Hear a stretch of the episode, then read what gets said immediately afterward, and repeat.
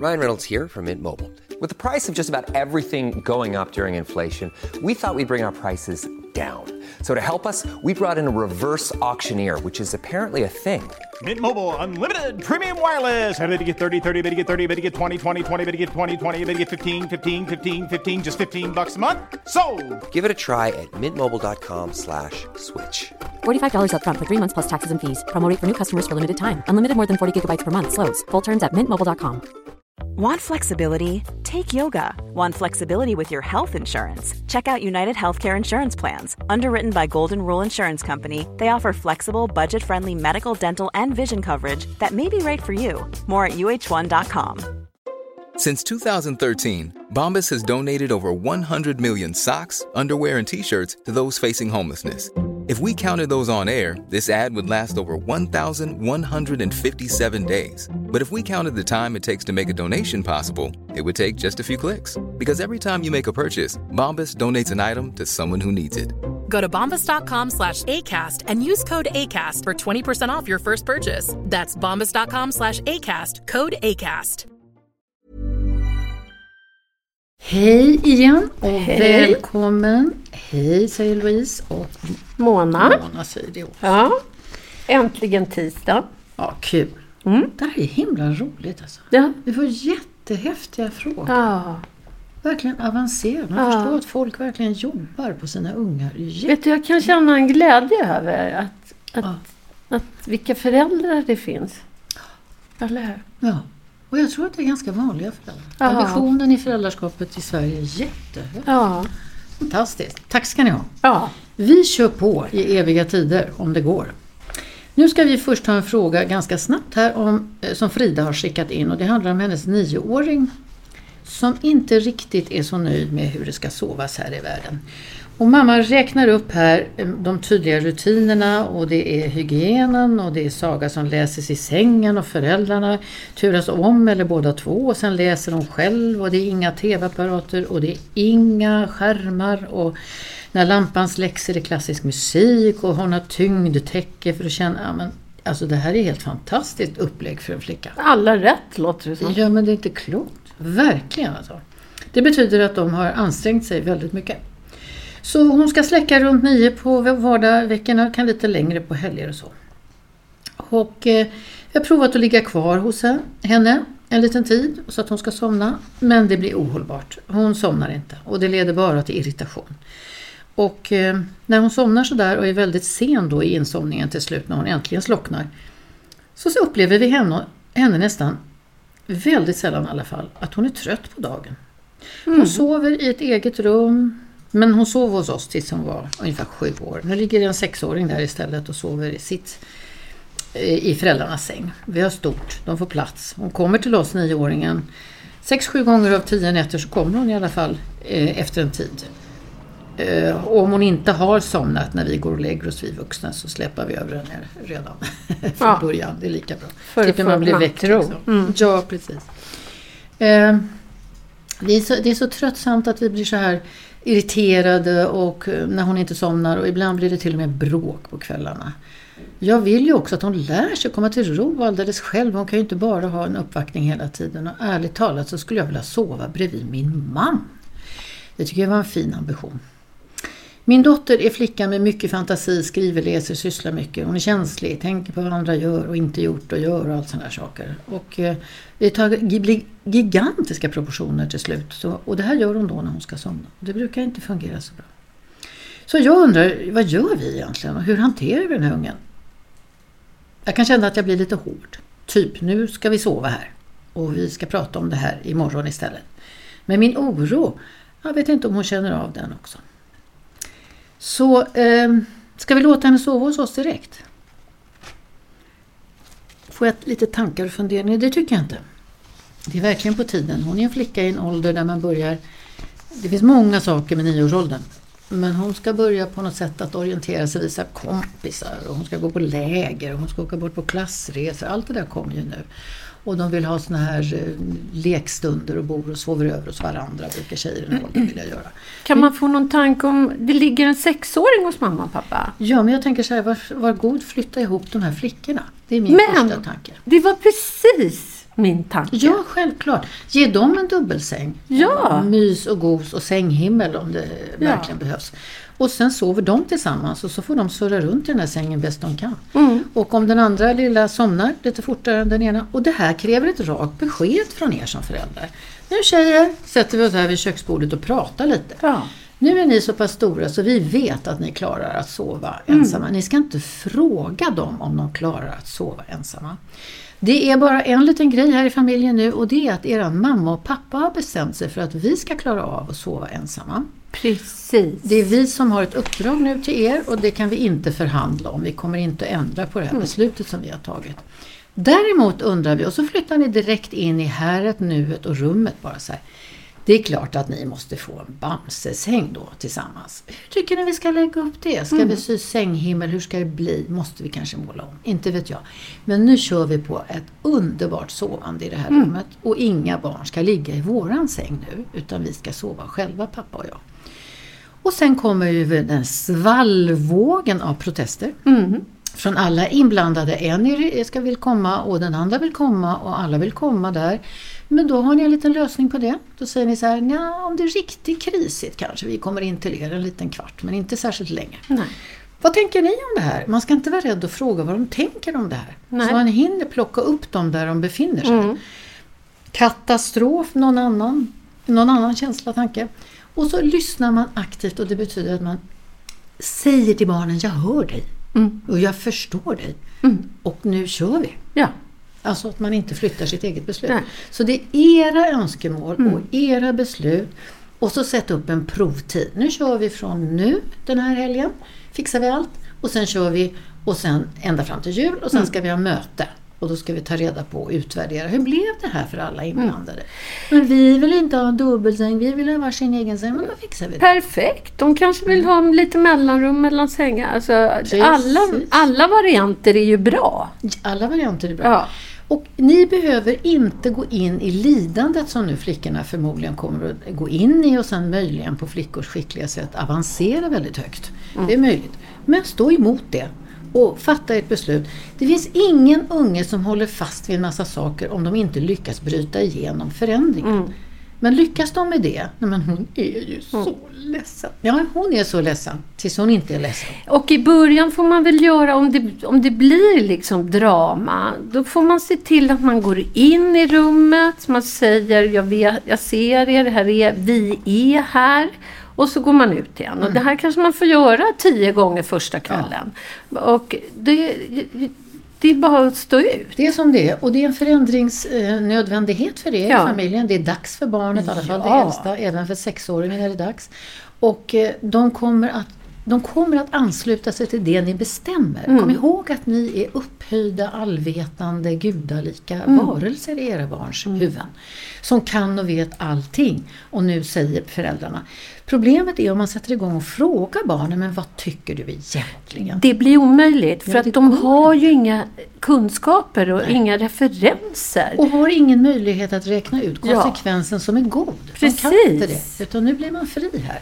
Och jag tänker att barn fungerar så. Vad tycker jag? Ja, man tycker det som hände, liksom, man går till det man vet. Ja, jag tycker att vi sover hos er.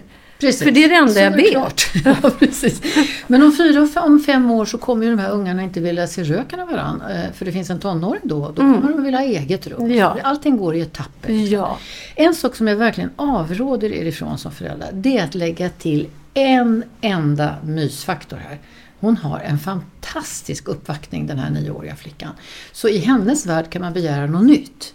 Och gör inte det. Sätt Nej. inte på. Ta snarare bort den klassiska musiken så Ja, att hon och, kan somna. och ett, ett tips är, alltså istället för den här klassiska musiken skulle de ju kunna prova den här sagan som heter Elefanten som så gärna vill sova. Ja, den känner inte jag till. Det är en fantastisk saga och man har sett i forskning att de allra flesta barn somnar innan halva sagan är slut. Jag lyssnar på den här tillsammans med mitt sexåriga barnbarn och jag somnade Före ungen. Ja, hon somnade direkt, för hon är van vid den här. Och jag rekommenderar verkligen. smart idé. Ja, och den finns på alla de här eh, sajterna som har sagor. Ja, men det är ju fantastiskt. Eh, Ja, ni gör en liten radikal sväng här. Det tror jag kommer att vara jättebra för den här flickan. Man kan bara nämna lite lätt så här att en sexåring är generellt i sin utvecklingspsykologiska position. Alla är olika lite grann, hit eller dit, tidiga eller sena. Men de har en ganska turbulent tid i livet och det har ni genomlevt med barn nummer ett redan. Att det går uppåt och jag är kaxig och jag är stor och jag är fantastisk för att två minuter senare var ingen älskar mig och alla struntar Vill jag vara bebis. Bebis, bebis, ja. Det kommer stabilisera sig. Sjuåringar är oftast otroligt stabila människor. Men nioåringen är också inne i en existentiell liten kris som hör till deras ålder. Och det handlar om att man för första gången, oftast första gången i sitt liv förstår att döden betyder aldrig mer träffar jag min vovve, min mormor. Och det är en krisig period. Den är lite skörare och sådär. Men jag tycker att det finns alla chanser i världen när hon får in en människa i sin säng. Att ni inte behöver vänta med det i alla fall. Nej. Kan ta något längre tid bara. Lycka till med detta! Ja, Detta tror vi på mycket. ja. Och vi hade samma tanke där faktiskt. Ja, vad intressant. Nu har vi en väldigt speciell fråga, måste jag säga. Eh, och eh, den låter så här. Jag undrar hur ni ser på ett spädbarn som helt har slutat äta. Det, är väl, det har jag aldrig blivit tillfrågad i hela mitt liv som yrkesmänniska. Nej. Eh, ätproblem massor. Min son han är snart nio månader. Han slutade äta när han var sju månader. Från sjukvården ansåg, eh, ansåg man att det inte fanns några som helst fysiska förklaringar till detta. Utan att det här är något som kan ske ibland och måste väntas ut. Han helammade tills han var fem månader då vi beslutade tillsammans med BVC att gå över till flaskmatning på grund av att längd och viktkurvor inte visade sig vara så bra. Okej. Idag följs vi på sjukhusets nutritionsteam med viktkontroller. Vi har fått finna oss i att inga vidare utredningar kommer att göras just nu för att hitta eventuella orsaker. Det har gjorts ultraljud på buken, alla organ var normala. Eh, några andra utredningar och prover krävs inte enligt teamet. Vi hankar oss fram, vissa dagar äter han lite gröt och kan till och med ta fruktpuré. Det som räddar upp situationen är att han äter när han sover. Så sen, sen kväll och tidig morgon så får han en flaska. Dagtid ska vi inte dreamfeeda som de kallar det i vården. Han ska vara vaken och äta. Han utvecklas i övrigt helt normalt. Han sover mycket bra och är för det mesta en mycket glad, eh, glad pojke. Om inte magen eh, är för tom förstås, om han är hungrig så blir han ju för som alla andra irriterad och, och, och lite aggressiv. Vikten har de sista 3-4 veckorna stått still men han växer på längden än så länge och detta mäts. Vi gör allt som står i vår makt för att inte vara stressade när han ska äta. När vi ska försöka och påverka matsituationen. Jag vet från tidigare avsnitt som jag har lyssnat på er podd att man ska försöka komma bort från kamp runt maten. Och, eh, men hur lätt är det inte att stressa upp sig när det gäller en liten bebis, säger man. Det förstår vi Ja men det mer. låter så jobbigt. Stackars er. Varje dag blir liten, liksom en ny riskdag. Ja men det är ju att om barnet inte äter, då, det är ju förknippat med, Desperation ångest. hos föräldrar brukar det vara. eller hur? Hur ska vi föräldrar göra för att överleva det här? Som är nästintill tortyr tycker vi. Ja. Hur ska vi göra för att inte ge pojken livslånga men eh, med maten? Och har ni något tips om hur man ska tillmötesgå en stora syster på två och ett halvt år i detta? Hon påverkas såklart och är negativ av detta. Tusen tack för hjälpen. Jag har lyssnat jättemycket på era poddar. Tack snälla. Hjälplös mamma står det. Jag, Ja, vad tänker du Mona? Alltså jag tänker att det är så extremt ovanligt att man inte äter när man är hungrig. Hey, I'm Ryan Reynolds. Recently, I asked Mint Mobile's legal team if big wireless companies are allowed to raise prices due to inflation. They said yes. And then when I asked if raising prices technically violates those onerous two year contracts, they said, What the f are you talking about, you insane Hollywood ass? F- So to recap, we're cutting the price of Mint Unlimited from $30 a month to just $15 a month. Give it a try at mintmobile.com slash switch. $45 upfront for three months plus taxes and fees. Promo rate for new customers for limited time. Unlimited more than 40 gigabytes per month. Slows. Full terms at mintmobile.com. Wow. Nice. Yeah. What you're hearing are the sounds of people everywhere putting on Bombas socks, underwear, and t-shirts made from absurdly soft materials that feel like plush clouds. Yeah, that plush. And the best part? For every item you purchase, Bombas donates another to someone facing homelessness. Bombas. Big comfort for everyone. Go to bombas.com slash ACAST and use code ACAST for 20% off your first purchase. That's bombas.com slash ACAST. Code ACAST. Att han Och står vilka emot. är det som inte känner av hunger här i världen? Mm. Jag tänker, och det här är Ja. ett sånt långt skott, Ja. men jag tänker ändå Ja. nämna det så att han inte framstår som han är liksom jättekonstig. Ja, om man vänder på alltihopa brukar jag tänka. Mm. Om man tar till sig att den här pojken slutar äta plötsligt. Så att det är logiskt för honom och att det är en bra sak för honom. Att han gör alldeles rätt i sin värld. Mm. Att han helt enkelt inte har ett beslut om detta utan det infinner sig bara. Mm. Då kan man tänka sig när man ammar barn så lägger man dem till bröstet hela tiden. Mm. Visar de minsta lilla pip eller rädsla eller oro. Där finns det egentligen inte en sån rak tråd mellan jag är hungrig, jag måste äta. Nej. Det kan visa Det sig är ju på ofta andra tröst, närhet, Precis. värme. Det här, är, det här är absolut superviktigt att det inte kan användas i ett medicinskt sammanhang när jag säger att barn som har ett autistiskt drag, de har väldigt svårt med sina kroppsgränser. De vet inte riktigt var de börjar och slutar. Mm. De känner väldigt sällan hunger, de känner väldigt sällan törst. De upptäcker också som vuxna sen att Nej, men jag har inte ätit något. Mer som en teknisk... Mm. Man behöver inte upptäcka det så mycket hos barn i Sverige därför att vi äter på klockan. Vi har råd till det. Det finns mat alla dagar för de flesta Mm. människor. Och då betyder det att vi äter på klockan. Klockan 12 har man lunch Mm. bara. Inget mer med det. Man mellis till alla barn, både på institutioner och i hemmen. Men att han ska skrika när han är hungrig kanske inte har ett samband inom honom. Men redan i den här fina lilla texten så skriver du mamma Ja, förstås om magen är tom, då är han inte lika glad. Alltså han har hungerkänslor. Han blir irriterad som alla vi blir. Han blir grinig, han blir säkert gnällig när han är hungrig. Det, det står där. Jag tycker det här är ganska intressant. Han utvecklas normalt, sover bra och är för det mesta glad.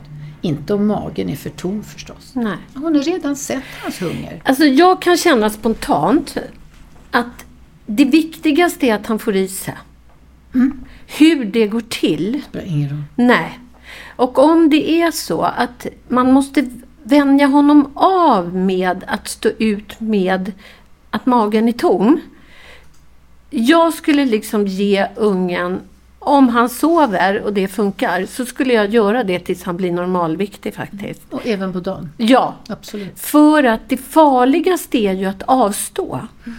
Ja, föräldrarnas liv blir ju otroligt skuldtyngt Ja. och klinikerna blir oroliga om han inte är normalviktig. Så fort ni uppnår normalviktskurva och han fortsätter på den, då kommer åtminstone ett av era problem att försvinna. Precis.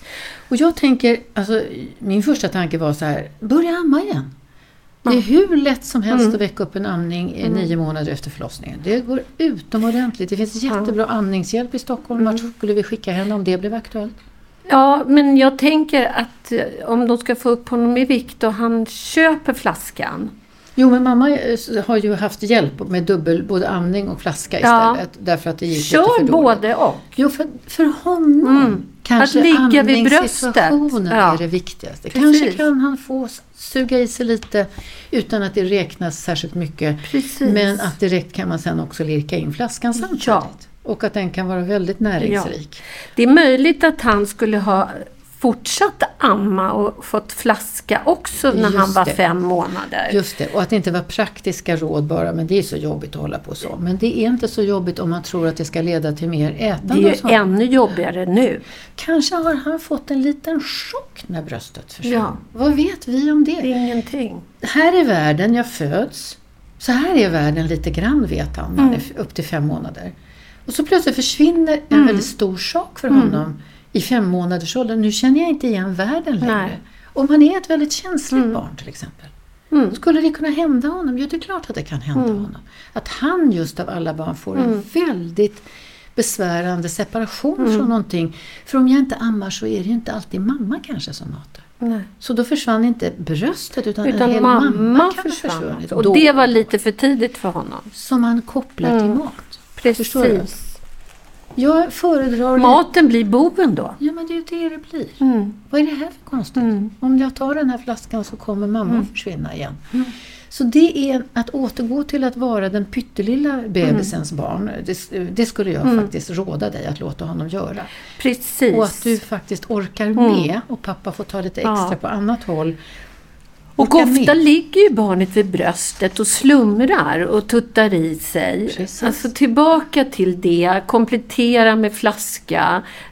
Och sen skulle jag, jag skulle liksom ha små lockbeten all over the place. Ja.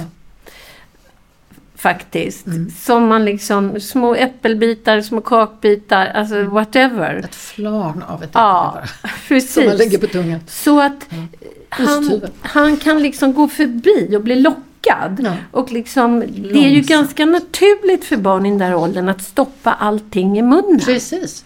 De undersöker ju hela världen med munnen. Det tror jag skulle vara en jättebra sak i början. Du får backa igen. Du får gå tillbaks till fem månader. Nu Yes. kör vi lite därifrån älskling. Precis. Jag är ledsen att jag försvann. Ja. Eller bara låtsas, Ja. låtsas, låtsas. Och, och, och gå på den linjen. Och för, i sådana fall ska ni göra den radikalt och följa den hela Ja. tiden. Liksom. Och Ja, man måste, alltså om, nu, om de går in i våra råd Mm. så handlar det om att inte avvika Mm. en tum. kan man inte utvärdera det? Nej, men också att barnet måste få tillit. Ja, jag menar det. De, de kan inte se om det här är en framgångsrik metod. Vi tror mycket på den här regredieringen. att Mycket, bli liten mycket. och mindre och mindre. och Louise, vi har ju sett att det funkar. Ja, många, många, Ja. många gånger. Ja. Och sen kan han sitta med vid måltiderna. Ja. Det här lilla osthyvelsflarnet av ett äpple Precis. utan skal. Ja, var det någonting? Han Mm. är jätteintresserad av vad som ligger där framför honom. En jättetuggad halv smör. köttbulle Ja. med smör på. Ja. Lägg fram den långsamt. Men ta, är det äppelflarn, suger han in det och sväljer. Äppelflarn. En period. Mm. Precis. Tills han är liksom så välbekant så att han blir nyfiken på. Alla ungar som jag känner, alltså fem barnbarn och två egna och, sådär, och kompisars barn. Nu skryter De har ju varit, ja nu skryter. De har ju varit, alltså man ger dem en, en eh, bit bröd med smör. Mm. Då äter de smöret. Brödet kommer ligga kvar, men smöret kommer att vara nere Ja. i magen. Min, mitt ena barnbarn var överlycklig när hon fick en ostskiva med smör på. De är lite lättlurade. Vi tror på det här mamman. Jag vill säga det. Vi tror att du har ett jättekänsligt barn. Så är det med honom. Det kommer ni få dela med längre fram i livet i mer praktiska hänseenden kanske. Mm. Stora systern 2,5. Säg som det är bara. Men försök att inte ha denna förtvivlan och hopplöshet. Det vi har uppmanat dig till nu det är ju dream feeding. Absolut. Kör på det. Han måste få i sig mat, då börjar det funka. Ja. Så gör vi ju på kliniker när vi har ö, människor som inte vill äta eller inte kan Ja. äta. Få igång maten så När är man man en behandlade ätstörningar hos idrottsflickor så var det typ äta bör man annars dör man, gå Ja. och laga mat, gå och lägg dig och sov lite middag. Som när man var Precis. liten. Då vände ju deras Ja. problem med maten direkt. Precis, man måste äta. Man måste äta. Så jag tycker att ni ska ta er an de här råden och försöka kämpa lite Ja. Mm. med det. Hör gärna av er igen. Skicka jättegärna till, till vår adress en gång till. Och nu ska jag säga något som jag kan bli halshuggen för. Ni behöver inte berätta att ni dreamfeedar. Jag tänkte precis säga det. Du kan luta dig på oss. Vi är legitimerade och vi ger råd och vi står för våra råd och vi har god erfarenhet av lyckade resultat. Så det blir lättare för er om ni har en liten plan, om ni har en struktur och att ni tänker nu kör vi den här några månader får vi Ja. se vad som händer. Ni har en fin liten kille. Låt honom inte bli ett objekt som ni sitter och stirrar på varje dag och tänker, har han gått ner, han ser mindre ut, han är magrare nu, nej men jag tycker inte. Kör på det här så kommer längdväxten och eh, magen upp, han blir fet. Och De älskar smör. Ni är fantastiska. Ja, det tycker vi Det här är en... Det är tortyr. Vi har, ni har våran verkligen sanna eh, empati och sympati. Absolut. Mm. Har du något med vetenskap efter detta omskakande? Ja, jag tänkte att vi skulle prata lite om genetik idag. Hej alla mammor och pappor! Nu, kommer vetenskap! Vad är det egentligen? Genetik är ärftlighetslära. Alltså en vetenskap inom biologin där man studerar hur egenskaper ärvs. Hur ma- arvsmassan är uppbyggd. Fantastiskt. Och det här är väldigt intressant för det som är det mest liksom, eh, alltså på något vis retfullt, är att arvsmassan, det man ärver, är totalt slumpmässigt. Ja, man har ju två föräldrar. Ja. Det kan komma ut vad som helst där. Ja, Fantastiskt egentligen. visst är det? Ja. Ehm, Man kan ju, när jag var barn så sa man sådana här saker. Men titta på den där ungen, han går precis som sin morfar. Ja. Han måste vara släkt med dem. ja. Det, kräv, det fick man i de små samhällena. Mm. Så tror jag egentligen att man i Bibeln har, man har ju skrivit om arvssynd. Ja, ja. Ja men det är ju Att det rullar genetik. på. Ja, Det ja är fast ju- där kan det väl vara lite miljö också. Jo, men alltså man tänker 50-50 kanske. Ja. ja. Vilket år var det man kunde kartlägga hela genomet, hela uppsättningen? Ska jag veta det? Jag tänkte att du skulle veta det, men jag tror att det känns ungefär som det var kanske inom en tioårsgräns. Ja, det har ju ju hänt massor. För att genetik, alltså ärftlighetslära, det har ju varit efter, första, efter andra världskriget så blev det ju nästan alltså, brottsligt att forska på ärftlighet. Ja, eftersom nazisterna Av förklarliga skäl. Så. Men kroppen är uppbyggd av celler. Och det finns speciella celler för hud och för, och för nerver och sådär. Mm. Och hår och alla möjliga olika celler. I cellerna finns en kärna. Precis som du tänker en persika ungefär. I cellernas kärna så finns det kromosomer. I kromosomerna finns det DNA. Så om man tänker en lök så går man ju längre in i löken Ja. man kommer. Va? En bra bild. Ja. DNA, där, är, det, där finns arvsanlagerna.